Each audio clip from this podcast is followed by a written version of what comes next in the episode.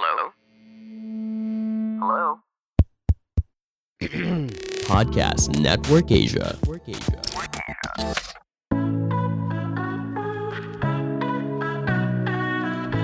Selamat datang di AS Talk.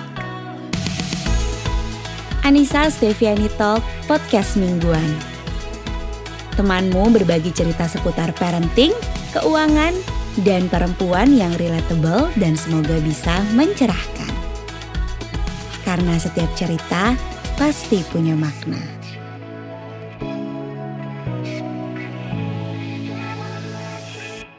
Halo. Halo. Alah ternyata ada bindeng suara aku Suaraku yang merdu ini gimana tuh jadi bindeng Jadi minggu lalu kita nggak bikin podcast karena akunya drop banget. Menurut aku mah ya kita tuh nggak bikin podcast karena kita salah scheduling alias kita menunda sih sayang karena hari Senin kamu belum sakit ya kan? Hari Selasa juga sebenarnya mah belum gitu ya. Kan baru sakitnya Selasa malam. Harusnya mah Selasa malam itu tuh kita tuh udah selesai podcastnya gitu kan. Kok tumben-tumbenan belum? Padahal biasanya kita bikin tuh hari Senin. Jadi sebenarnya kamu hitungannya sakitnya cuma hari Rabu Kamis Bener, Jumat tiga hari. Tapi jadinya nggak bikin podcast gara-gara kita kitanya males waktu hari kita kenapa ya waktu hari Senin Selasa kemarin ya apalah gitu. Apalah. Jadi itu tuh kita tidak podcast bukan karena kamu sakit sih tapi karena kita menunda. Karena kita menunda dua hari akhirnya sakit. Jadi aja nggak bikin jadi podcast. aja nggak bikin. Padahal nggak selama itu juga kesannya kayak wah seminggu banget itu sakit. Enggak juga sih. Terus sekarang aku sakit gara-gara kamu sakit Ketularannya. Ya bukan ketularan juga Capek sih. sih kamu yang Eh, kemarin. eh, lebih ke kayak ngurusin si bebe, terus cuci piring, beresin rumah, terus malah DIY, DIY ya. Oh senggang banget nih di rumah. Terus kamu tiba-tiba di depan ngegelar kertas plastik terus apa mau ngecat itu meja. menjadi warna putih. Jadi kayak capean aja bun gitu ya. Jadinya kayak kenapa ya tiba-tiba oh aku mau membuat meja ini warna putih. Ayo kita lakukan sekarang gitu malam-malam ya. Sukuna gerings ya. Besoknya sakit gitu katanya. Capek banget soalnya nge tapi udah bagus tahu sekarang mejanya. Soalnya ngecat siapa? Aku. Coba apa kamu tuh ngecat set set set eh, abis dan kamu juga nggak tahu teknik mengecatnya. Kalau bisa sebenarnya tuh emblog-emblogan jadi kamu tuh ngecat di satu titik aja harusnya cat tuh ya memang harus ngerata semua dan harus sabar. Ketawanya jelek banget. ya terus kan aku jadi kita kita ribet. Jadi aku punya satu meja. Itu kan meja sebenarnya wajon ya. Itu adalah meja kerja pertama aku di Kalibata gitu. Itu adalah meja yang menemani syuting-syuting pertamaku.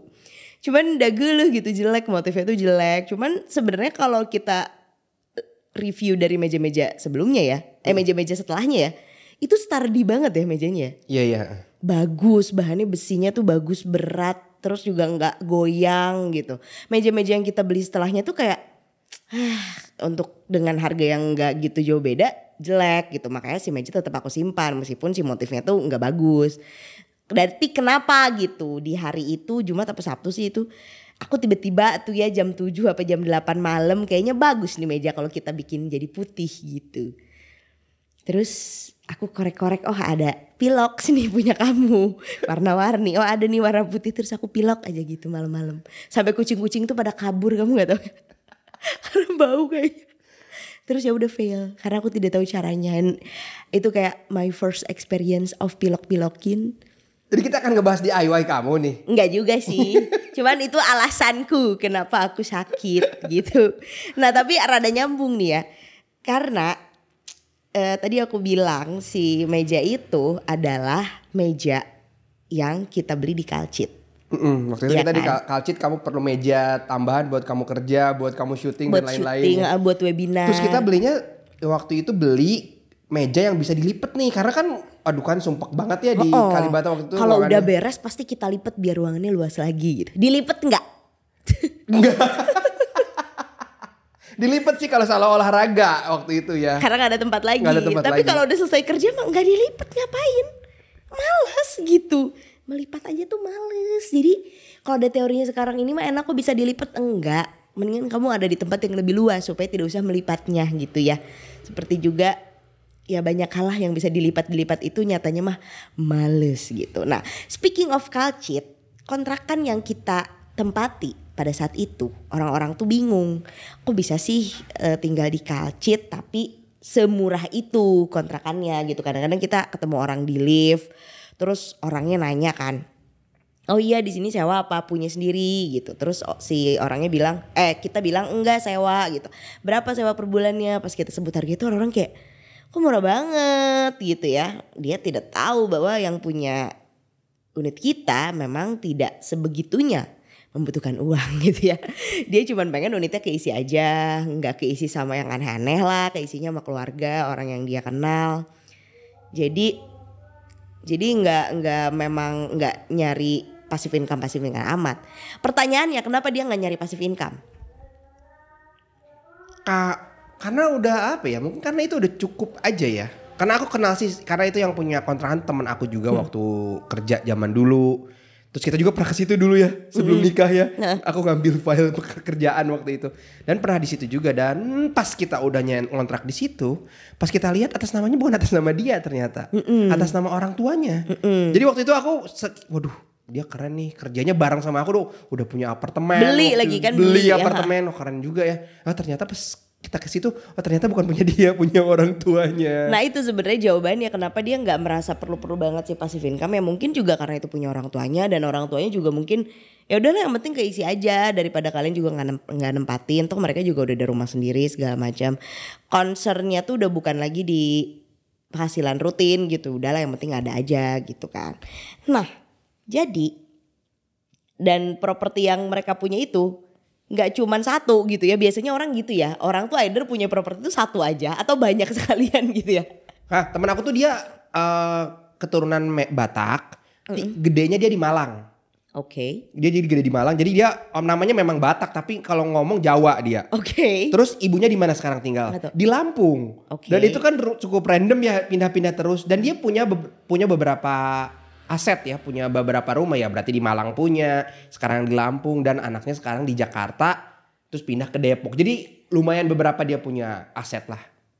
Oh. Jadi artinya itu bukan aset pertama orang tuanya mungkin. Jadi nggak terlalu diperhatikan bahwa itu harus ngasilin banyak atau enggak. dan kalau mikirin kayak gitu ya lah cuman satu unit di kalcit kali ya harganya Ah, ah, berapa sih kalau kita pikir-pikir sekarang ya nggak sesignifikan itu juga gitu jadi apa nih lalu apa ayo dong terusin ngomong ya aku terus yang ngomong nih pegel nih ambil bindeng ini Jadi kalau misalnya ngomong. sekarang kita selama berpengalaman tinggal di Jakarta, aku ngontrak. Even aku ngontrak dulu tuh pas pertama kali datang ke, ke Jakarta ngontrak.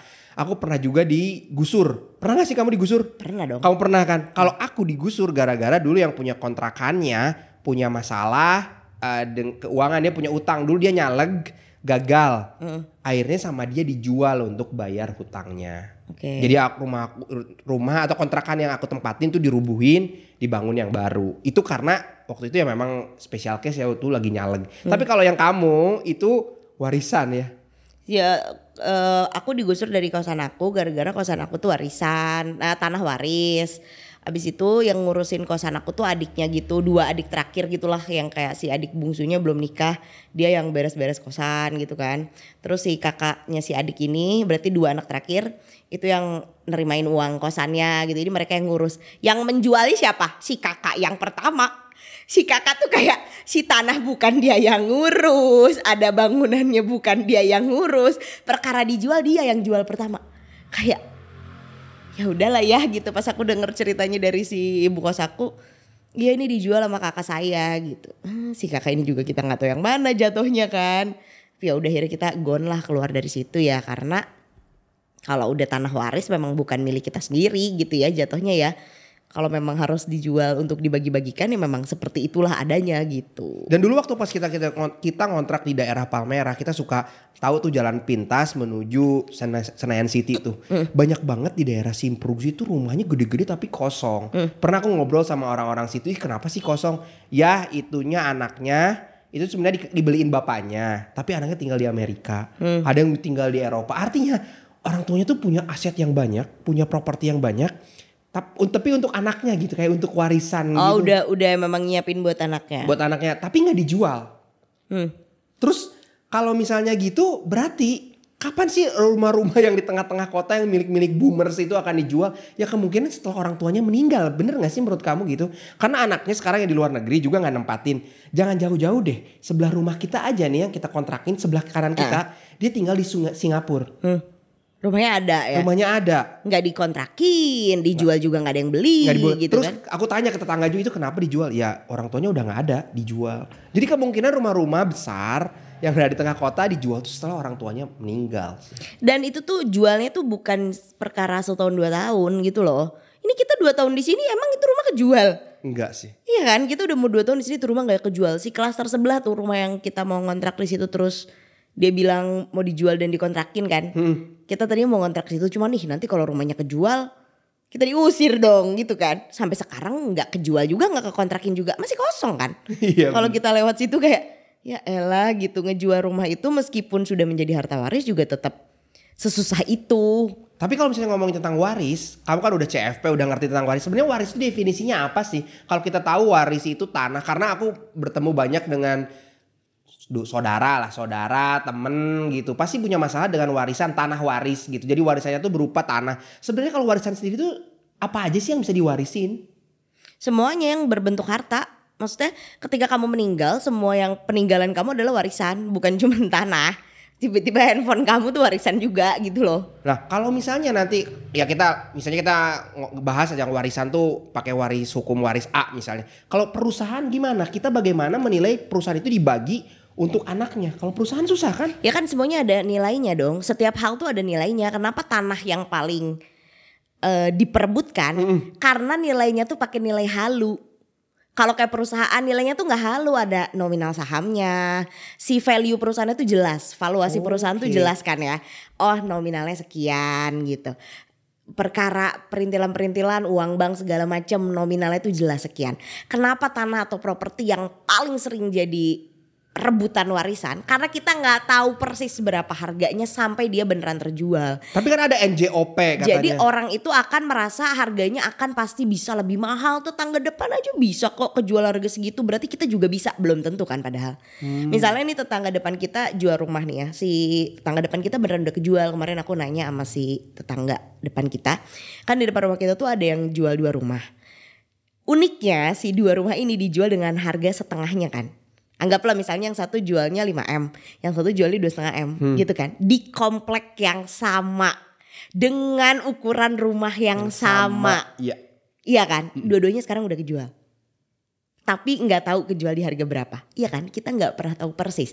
Jadi kalau misalnya ada orang bilang tuh kan tetangga kita juga bisa segitu nah rumah kita yang warisan ini bisa juga dong 5M itu tuh belum tentu banget tapi hayalan dan kayak perasaan senang sudah mendapatkan uangnya tuh udah ada gitu loh wah nanti kalau rumah itu dijual misalnya rumah orang tua kita yang udah meninggal dijual tuh bisa kejual 5M karena tetangga juga jualnya 5M kalau itu kejual 5M maka secara harta waris bla kita at least misalnya dapat Wow, 1M udah gitu. ke mana-mana tuh pemikiran. Iya makanya jadinya rebutan. Padahal pertama belum tentu harganya segitu. Yang kedua kejualnya dalam berapa lama belum tentu dalam lima tahun kejual juga. Yang ketiga Kalaupun iya udah kejual segala macam, kan itu juga banyak banget yang harus diurusnya ya. Apakah orang tua kamu juga pernah ada utang apa segala macam. Nah, kayak gitu-gitunya kan sebenarnya repot juga. Jadi kenapa tanah itu jadi topik rebutan warisan utama ya itu. Abis itu kan yang ngerebutin warisan ini suka nggak mau juga nih ngeluarin uang buat biaya-biayanya. Biaya-biayanya kan banyak banget ya. Ternyata kalau bentuknya rumah ya, ternyata listriknya udah ngutang lima tahun. Nah, berarti sebelum dijual harus ngomodal dulu dong untuk Harus. bayarin hutangnya, eh untuk bayarin listriknya itu ya. Ya ah. Atau enggak PBB-nya juga udah nunggak 10 tahun. Harus bayar PBB sama denda-dendanya juga. Nah makanya konon katanya rumah-rumah di tengah-tengah Jakarta yang banyak yang kosong dan tulisan dijual sampai rumahnya hancur itu kan banyak banget ya. Kita Sering lihat ya. banget aku lihat, sering banget. banyak banget itu kan pasti harganya puluhan M. Udah mah harganya puluhan M. Kecil banget gitu ya rakyat Indonesia yang punya uang segitu tuh sedikit banget gitu ya. Rumah tuh masih mungkin kalau 200 juta, 500 juta kayak masih kebayang lah orang untuk membeli ya. Iya. Tapi kalau udah M gitu ya, ordernya M udah dua digit lagi 10 M, 15 Ya, M. ah, itu kayaknya aduh rakyat Indonesia Aduh, yang iya mampu bener. belinya juga paling kayak 5 dan 10 persen gitu kan. udah mah rumahnya problematik, banyak utang tertunggak, udah harganya mahal banget. Makanya aduh kalau kita lewat jalan-jalan gede Jakarta tuh banyak banget rumah-rumah yang tulisannya dijual sampai udah ketumpuk-tumpuk sih. Si agen penjualnya tuh udah banyak banget. udah ya? banyak banget dan tetap nggak kejual-kejual gitu. Ah, oke oke. Gitu. Dan mereka dan gini, ketika ketika keluarganya udah kaya ya. Bayangin gak sih kamu ini keluarga ini kaya, rumahnya ini udah di Menteng misalnya gitu ya. Seumur hidup si anak-anaknya tuh udah kaya juga gitu. Mereka juga udah di provide dengan berbagai kekayaan-kekayaan gitu ya. Uangnya udah pada cukup, mereka juga udah settle gitu. Terus udah pada punya rumah sendiri juga. Jadi kalau itu ada yang harta waris nggak perlu dijual kayak mereka juga nice to have aja kalau nggak Iya, juga nggak apa-apa eh, gitu nggak ya. kejual juga nggak apa-apa ya kejual bagus nggak kejual juga nggak apa-apa mereka juga nggak bu-bu banget gitu Jadi itu penting banget untuk semua anggota keluarga bisa berpenghasilan ya. Bisa nggak aku bilang kayak gini nih ya. Orang yang suka pingin ngejual-ngejual, "Ih, jual-jual aja gitu. Berarti dia yang paling gak berpenghasilan pasti sih. bukan paling nggak berpenghasilan pasti paling susah gitu lah ya. Maksudnya paling nggak bener lah keuangannya gitu. Atau sedang dalam kondisi terjepit mungkin lagi banyak utang lah segala macam. Biasanya ngehebohin untuk ngebagi-bagi harta waris cepatnya kan yang kayak gitu. Tapi yang kayak gitu juga yang pada akhirnya nggak bisa ngemodalin untuk biar bisa si harta warisnya cair gitu. Jadi ya repot banget sih kalau ngomongin si warisan ini gitu apalagi kalau bentuknya tanah atau properti Nah kalau misalnya kita mau bener nih kita mau punya warisan gitu dan orangnya tuh udah anggota keluarganya tuh semua udah ikhlas gitu. Sebenarnya siapa yang bisa bantu orang untuk ngebagiin harta waris? Sebenarnya itu ada nggak sih pekerjaan yang sebagai apa ya sebagai pembagi waris yang bener gitu? Ada nggak sih di Indonesia tuh? Kalau ke ustadz-ustadz gitu sih bisa aja. Cuman problematikanya adalah nggak semua orang percaya ustadz yang sama gitu loh. Bahkan di keluarga yang sama kayak kenapa kita harus percaya sama si ustadz itu gitu kan. Pada ada ya ustadz-ustadz yang memang emang jagonya aja gitu waris atau enggak kayak Pak Am ya. Pak Am Amiruddin tuh dia tuh punya deh kalau nggak salah satu satu divisi di apa namanya dia? Di Istiqomah ya? Bukan Oh percikan iman. percikan iman. Di percikan iman tuh ada satu divisi waris gitu loh buat konsul waris tuh ada. Jadi kita ngomongin tentang ustadz yang ada di Bandung yang cukup. Iya itu ustadz kita lah ya Ustadz gitu kita lah ya. nah dia tuh ada satu divisi waris gitu. Jadi kalau kamu mau konsultasi waris tuh ada bisa di dia. Oke, ini legal nggak sih sama harus terdaftar oleh pemerintah? Enggak, atau- enggak ada legal atau legalnya karena kalau kamu beragama Islam, kamu have no choice, kamu harus pakai agama. Oh, Mau kamu sholat, mau kamu gak sholat, mau kamu ngakunya tidak beragama, Tapi di KTP-nya Islam. tapi di KTP-nya Islam, kamu harus pakai aturan Islam. It- itu aturan Indonesia, bukan aturan agama Islam ya. Oke, uniknya jadi gitu, uniknya di, gitu. Di aturan Indonesia kalau misalnya kamu agama Islam, hukum yang harus dipakai adalah hukum Islam. Iya, jadi Kita nggak mau nggak mau aku mau bikin hukum negara aja. Gak bisa. Jadi gini, jadi secara hukum negara Indonesia, selama kamu warga negara Indonesia dan di status kewarganegaraan kamu, kamu beragama Islam, whatever you say, mau kamu ateis, Aku mau bilang kamu aku apa, ateis, tapi di KTP-nya Islam. Tapi di KTP-nya Islam, mau kamu pindah agama hanya buat nikah doang, mau kamu apa, selama di KTP kamu Islam dan kamu ada sengketa waris, kamu harus pakai aturan agama Islam. Oke. Makanya kamu have no choice selain ke Ustadz. Makanya tadi aku anggapannya gitu. Takutnya emang bener sih ya orang-orang mikirnya kayak nggak apa-apa kali soalnya kan kita nggak beragama-beragama banget lah gitu di KTP doang Islamnya nggak ada pilihannya coy. Emang begitu. Si undang-undangnya mengatakan demikian gitu. Nah nanti ketika kalau misalnya kita pakai ustad nih, ada capnya nggak sih bahwa udah capnya gitu legal gitu? Kan kita misalnya misalnya ada yang nggak setuju gitu, itu kita bawa ke hukum atau bawa ke ustad? kalaupun dibawa ke hukum diselesaikan dengan cara Islam Oh, Jadi misalnya kamu mau disengketakan gitu ya, kamu ke pengadilan agama gitu. oh ini Eh, Aku lupa lagi pengadilannya apa. Oh, oke, oke. Pokoknya di, dibawa ke pengadilan gitu ceritanya mau diperkarakan secara perdata gitu. Ya maksudnya diperkarakan secara hukum. Nah, akan diselesaikannya dengan cara Islam tetap selama di KTP kamu beragama Islam. berarti akan oke. Jadi gini, jadi intinya kan aku tuh ngambil sertifikasi waris ya, dan aku tuh ngambil sertifikasi warisnya tuh umum kan, bukan cuman Islam. Jadi aku belajar juga perdata segala macam. Jadi setelah berapa hari ya, aku dua hari gitu apa tiga hari ikutan si sertifikasi itu, keputusannya adalah selama di keluarga kamu ada yang rese, selama di keluarga, di keluarga kamu ada ketidaksepakatan, itu nggak akan selesai gimana pun caranya. Jadi misalnya kalau udah secara Islam tuh udah kita katakan adil. Udah clear Ta- banget. Udah clear banget adilnya secara hukum Islam. Terus ada orang nggak salah satu anggota keluarga nggak setuju, itu bisa tuh. Iya dan gak setujunya tuh karena tuh debatable-nya gini si hukum Islamnya tuh udah jelas ya sekian persen sekian persen sekian persen itu udah jelas nih hitungan hitungannya udah jelas atau misalnya yang pakai hukum perdata karena tidak beragama Islam udah jelas nih si wasiat bapaknya tuh bilang kita harus membagi rata setiap anak akan dapat bagian yang sama misalnya 20 persen 20 persen 20 persen konfliknya biasanya terjadi di nominal yang kita rasa berbeda jadi si papa misalnya eh, misalnya ini pakai perdata ya yang biasa biar gampang Ini aja kan bukan Islam ya. bukan Islam. si bapak misalnya bilang gini, saya udah kasih kamu rumah semuanya sebagai persiapan kamu menikah. Anaknya tiga misalnya. Semua dikasih rumah. Si bapak merasa, saya merasa memberi kamu rumah dengan nominal yang sama. Satu miliar, satu miliar, satu miliar. Harga rumahnya? Harga rumahnya sama semua. satu miliar, oke. itu adalah warisan kamu. Kita nggak eh, saya nggak akan kasih apa apa lagi. Itu adalah warisan dah. Pokoknya titik aja. Nggak ada lagi misalnya nominalnya masing-masing. Harusnya kita rasa itu sudah cukup adil dong Oke. ya kan itu kayak udah adil dong si papa udah merasa dia membagi eh, semua harta dan warisannya itu dengan adil tapi anak-anak ini kalau mau aja ya kalau mau memperkarakan itu bisa dengan cara gini nggak bisa gitu dong pak kemarin kan waktu rumah Enggak bapaknya udah meninggal nih kan. Enggak ya bapaknya udah meninggal. Eh. Bapaknya udah meninggal. Terus ini merasa sudah adil nih pembagiannya. Terus tiba-tiba ada satu anak yang ngerasa ini nggak adil. Kenapa? Karena waktu rumah kamu kemarin bocor dikit, kamu renovasinya masih dibayarin sama papa, aku kan enggak. Wah, oke. Jadi mobil- Berarti bisa dong satu miliar lebih 50 juta karena Jadi bisa dong mobil papa buat aku. Kayak gitu tuh bisa jadi kalau ada yang rese aja tuh saudara-saudara kamu bisa aja terjadi kayak gitu. ya? bisa. Jadi Atau bisa juga misal, oke kita harga satu miliar, tapi kan lu satu miliarnya di Menteng. Kalau gua kan satu miliarnya di Tangerang gitu ya. misalnya Kalau kan nanti satu miliar di harganya Menteng. misalnya satu miliar di Menteng agak sedikit bercanda sih ya kayak dapetnya garasinya doang gitu ya. Tapi ya udahlah ya anggap Oke, saja satu gitu ya. miliarnya di Jakarta Pusat, satu miliarnya di Tangsel. Iya. Ya kalau kamu tiap tahunnya naiknya cepet dong. Iya. Mungkin dalam waktu lima tahun jadi kamu bisa jadi satu setengah miliar. Aku masih satu miliar karena di Tangsel misalnya rendah misalnya. Itu bisa diperkarakan juga ya. Heeh. Wes. Ya, jadi kayak nggak penting sih aku kayak ya Allah pak ini kan aku ada bapak-bapak gitu ya yang ngajarin aku dan si bapak-bapak ini tuh ya bagus lah menurut aku ngajarnya dan aku suka. Terus aku sampai nanya di akhir pak berarti kalau gini mah kuncinya adalah punya keluarga yang tidak akan memperkarakan warisan karena kalau mau diperkarakan tuh bakal ada aja celahnya gitu. Meskipun iya dalam Islam tuh sudah jelas gitu sepersekian sepersekiannya ada aja coy gitu yang bisa di yang bisa di yang bisa di otak atik gitu. Dan meskipun ya bisa ini bukan berarti mau.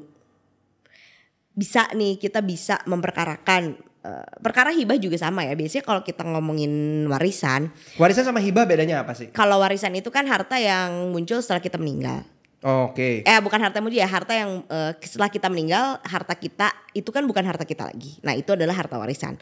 Kalau hibah itu saat masih hidup diberikan. Nah orang-orang kan mikirnya gini pakai logika yang menurut mereka teh benar padahal tidak benar juga gitu ya. Padahal ada salah kaprahnya juga. Daripada nunggu waris mendingan kita hibahin dulu aja. Jadi selama masih hidup kita bagi-bagikan dulu secara adil cenah gitu. Oke, ya masuk di akal sih ya. masuk akal ya masuk akal masyarakat awam yang aku juga baru tahu setelah aku ambil si sertifikasinya gitu. Jadi daripada nanti anak-anak kita berebut warisan maka kita hibahin dulu aja. Dihibahin lah gitu. Ceritanya nih misalnya keluarga muslim masih hidup si orang tuanya memanggil lah semua anak-anaknya misalnya anaknya tiga gitu ya yang satu cowok yang dua cewek tiga diambil terus bilang papahnya nih papah mah eh, karena belum waris juga jadi nggak pakai aturan waris dong karena bapaknya masih hidup Iya ya dong, boleh dong se- sama boleh semua. dong. Eh, misalnya semua bayi bilang gini, biar adil aja ini Maya ada semua juga eh, Anak bapak. Anak bapak kan pasti paribasa gitunya. Dan semua juga anak bapak. Pasti bapak kasih semua hartanya dengan adil. Deal-dealan lah hartanya adil. Bereta semua, dikasih rumah, semuanya dikasih mobil, dikasih uang, bla bla bla bla. Hidup wes si bapak teh ya. Hidup si bapak sampai 20 tahun kemudian. Udah nggak punya harta apa-apa, si papa hanya cukup uangnya untuk dia menghidupi dirinya sendiri. Jadi semuanya gitu. udah dikasih ke semua anaknya tiga itu. Iya. Oke. meninggal lah si bapak. Nah, kita pikir, kita pikir sebagai masyarakat awam, ketika si bapak meninggal, ya udah kan udah dibagiin, kan si bapak udah nggak punya harta waris lagi, ya kan? Kan semuanya juga udah dibagiin pada saat hibah gitu.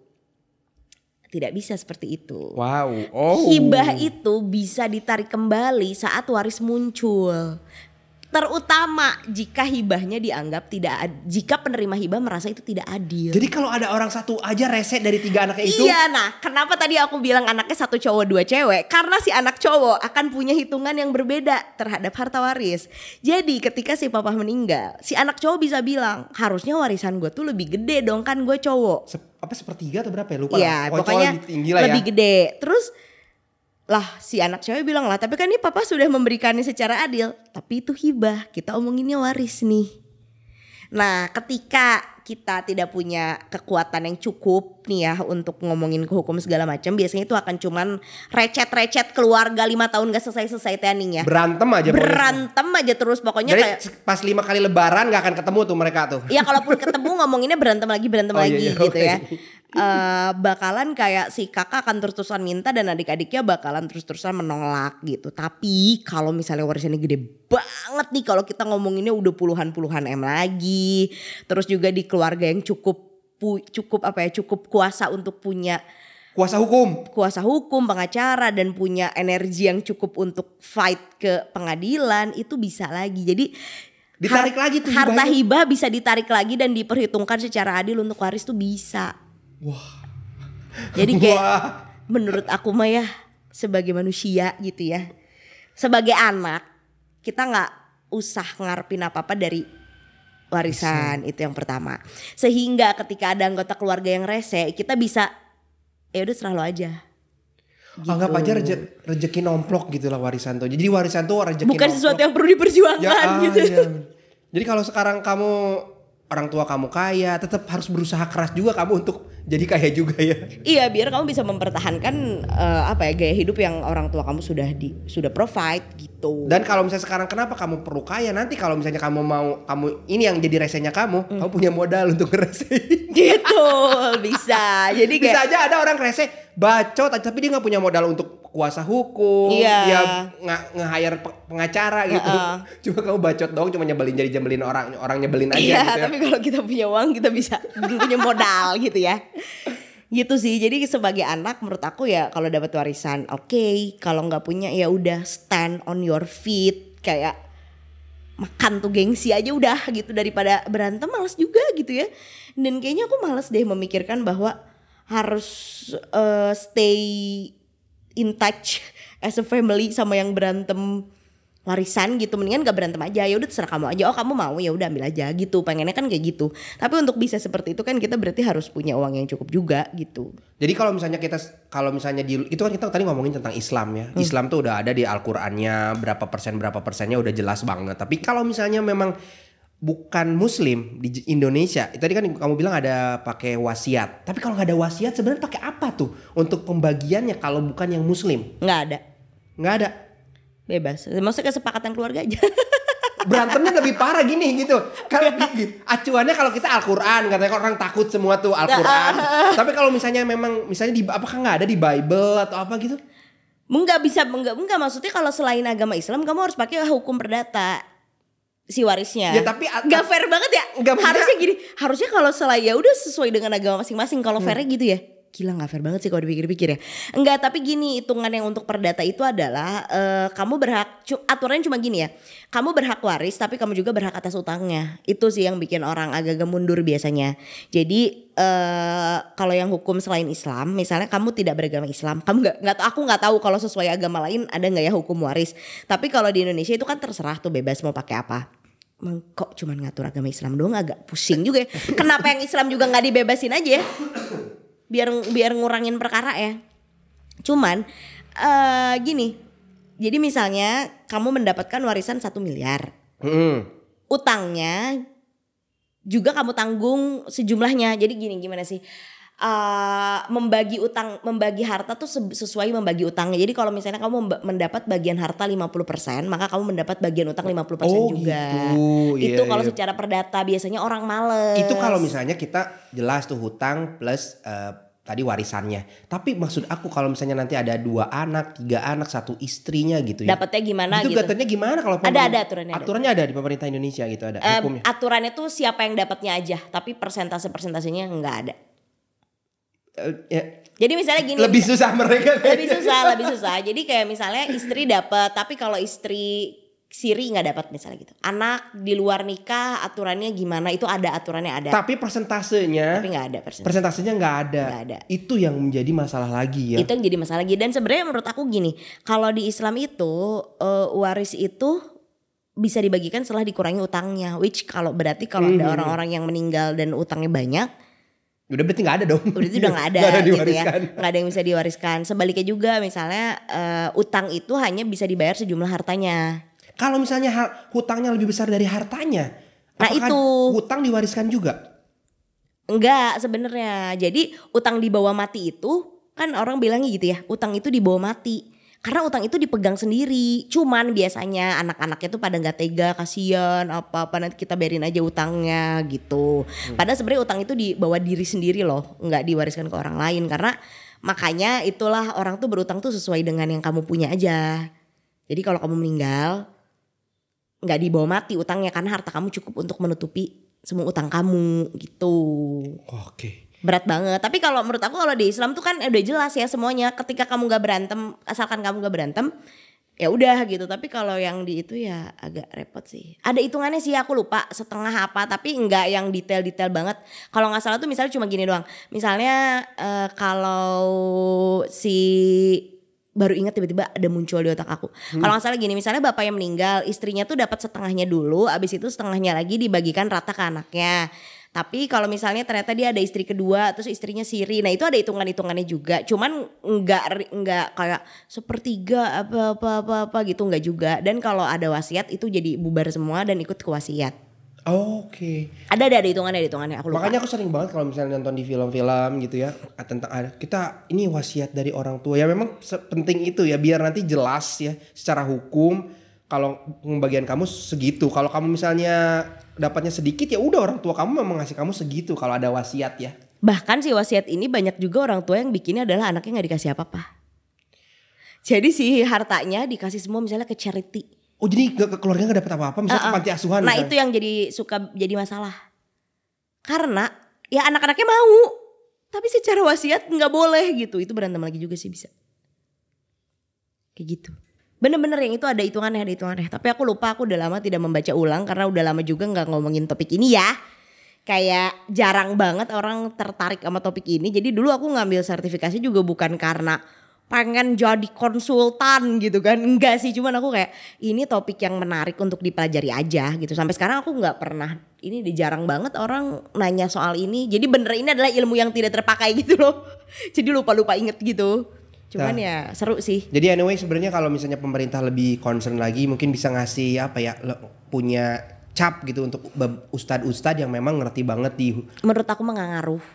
Oke. Selama kitanya mau heboh dan serakah sih Tetap aja ya. tetap aja. Mau kita pakai ustadz yang memang udah di perwakilan negara misalnya Heeh. gitu Pasti dia ngambil ustadz lain yang perwakilan juga dan bisa membela dia gitu kan pasti kayak gitu-gitu sih. ah, iya. Jadi sebagai anak tipsnya adalah jangan ngarep warisan dan sebagai orang tua, nah ini yang harus kita pikirin baik-baik. Oke, apa yang harus kita pikirin nih?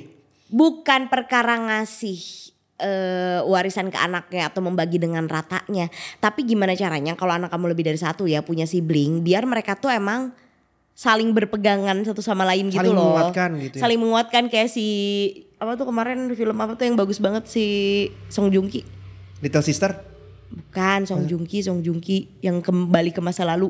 Oh iya iya. Iya kan? Heeh. Semuanya kan pada rebutan warisan, kecuali si Song Joong Ki sama kakaknya. Mereka nggak rebutan karena kayak kita boleh nggak holding hand aja dan kita kayak ya udah deh kalau kamu mau uang kamu aja deh kalau kamu mau tapi kita together gitu gimana caranya kamu membesarkan anak tuh merasa bahwa sibling kamu tuh lebih berarti daripada uang gitu Hmm. ya kan Kita persaudaraan itu lebih apa ya lebih lebih dia pilih gitu daripada untuk berebut duit gitu, dari Eh, warisan itu. gitu jadi kayak yang penting keluarganya utuh gitu. Ini aku dengerin gini aja tuh itu banget ya trigger banget aku apalagi teman-teman di luar sana yang dengerin juga orang tuanya lagi rebutan nah, wah itu kayak Karena sebagai anak tuh males banget ya denger keluarga kita waktu kita kecil ya maksudnya. eh sampai sekarang juga mungkin ya ngedenger orang tua kita berantem soal harta tuh kayak deh gitu ya. Males gitu kan. Boleh gak sih kita kaya aja gitu sehingga kita tidak membicarakan ini gitu. Tapi menurut aku ya kalau di sisi orang-orang yang memperjuangkan warisan, mereka tuh ngerasa kayak ini tuh hak kita gitu. Kita tuh betul berhak, ya berhak sih, tapi kan capek juga coy gitu dan belum tentu juga se gede gitu gitu kamu dapetnya kenapa sih kita harus berantem cuma gara-gara uang tuh males gitu Jadi masukannya ya sekarang kamu jadilah individu yang punya penghasilan sendiri. Individu yang memang bisa berdiri di atas kaki kamu sendiri. Once nanti kamu dapat rezeki warisan ya udah itu rezeki kamu. Tapi ketika kamu nggak dapat pun kamu tetap bisa berdiri nggak goyah gitu. Dan kalau tadi tambahan kalau kamu punya anaknya beberapa bikin mereka tuh nggak saling berkompetisi tapi mereka saling bisa berkolaborasi nanti ketika mereka ada masalah dari luar bukan hanya dari internal. Mungkin kalau warisan ini internal tapi kalau misalnya dari masa dari luar mereka saling menguatkan mereka ngelawan itu bareng-bareng gitu. Karena kebersamaan itu yang penting banget biar anak kamu nggak udah gedenya nggak berpisah dan nanti kamu juga kamu yang sedih loh kalau misalnya anak kamu berantem gara-gara apalagi mah gara-gara masalah warisan ini gitu masalah duit. Walaupun kita ngelihatnya uh lem banget sih perebutan uang. Enggak uang tuh penting banget sih. Iya. Ya waduh uang tuh itu banget sih raja diraja banget lah. Sama satu lagi ya ini terakhir ya sebelum aku closing. Asuransi jiwa sih kalau kamu merasa keluarga suami kamu kayaknya bakalan heboh perkara waris. Hmm, hmm, hmm. ketika kamu melihat keluarga wait kalau di Islam eh, keluarga suami dapat? Dapet. Oke oke penting banget bukan keluarga suami dapet kalau kamu meninggal mama kamu tuh masih dapet oke jadi orang tua adik dari kamu tuh masih ada hitungan hitungannya gitu oh oke Jadi keluarga suami itu masih dapat kan. Nah, jadi kalau kamu ngerasa kayak nih kayaknya keluarga suami bakalan repot nih perkara warisan gitu ya. Bisa-bisa aku nggak dapat sebagai istri gitu karena misalnya si mamahnya bilangnya enggak dong apalah pasti ada aja dan kamu males kebayang males berantem sama mertua ngomongin waris mana suami kita meninggal itu kan males banget ya. Nah, menurut aku udah paling bener kamu pegang asuransi jiwa. Karena asuransi jiwa ini bukan harta waris. Kenapa asuransi jiwa bukan harta waris? Karena waris itu adalah harta yang didapat selama hidup, dibagikan setelah meninggal.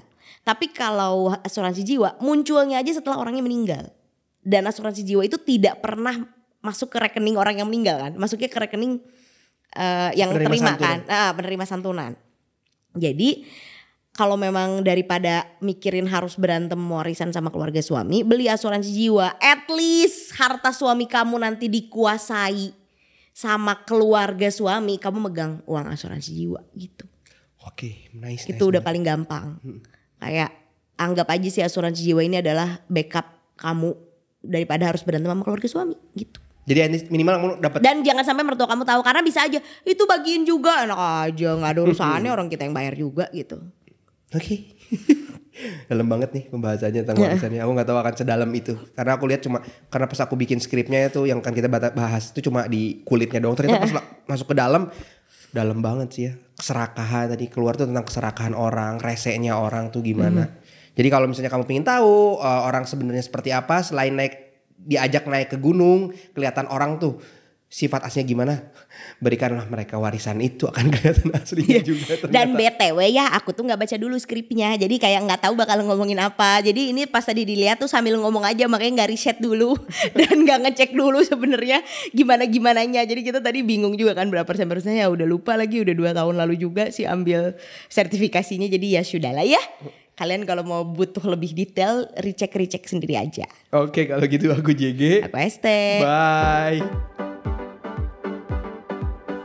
Pandangan dan opini yang disampaikan oleh kreator podcast, host, dan tamu tidak mencerminkan kebijakan resmi dan bagian dari podcast Network Asia. Setiap konten yang disampaikan mereka di dalam podcast adalah opini mereka sendiri dan tidak bermaksud untuk merugikan agama, grup etnik, perkumpulan, organisasi, perusahaan, perorangan, atau siapa pun dan apa pun.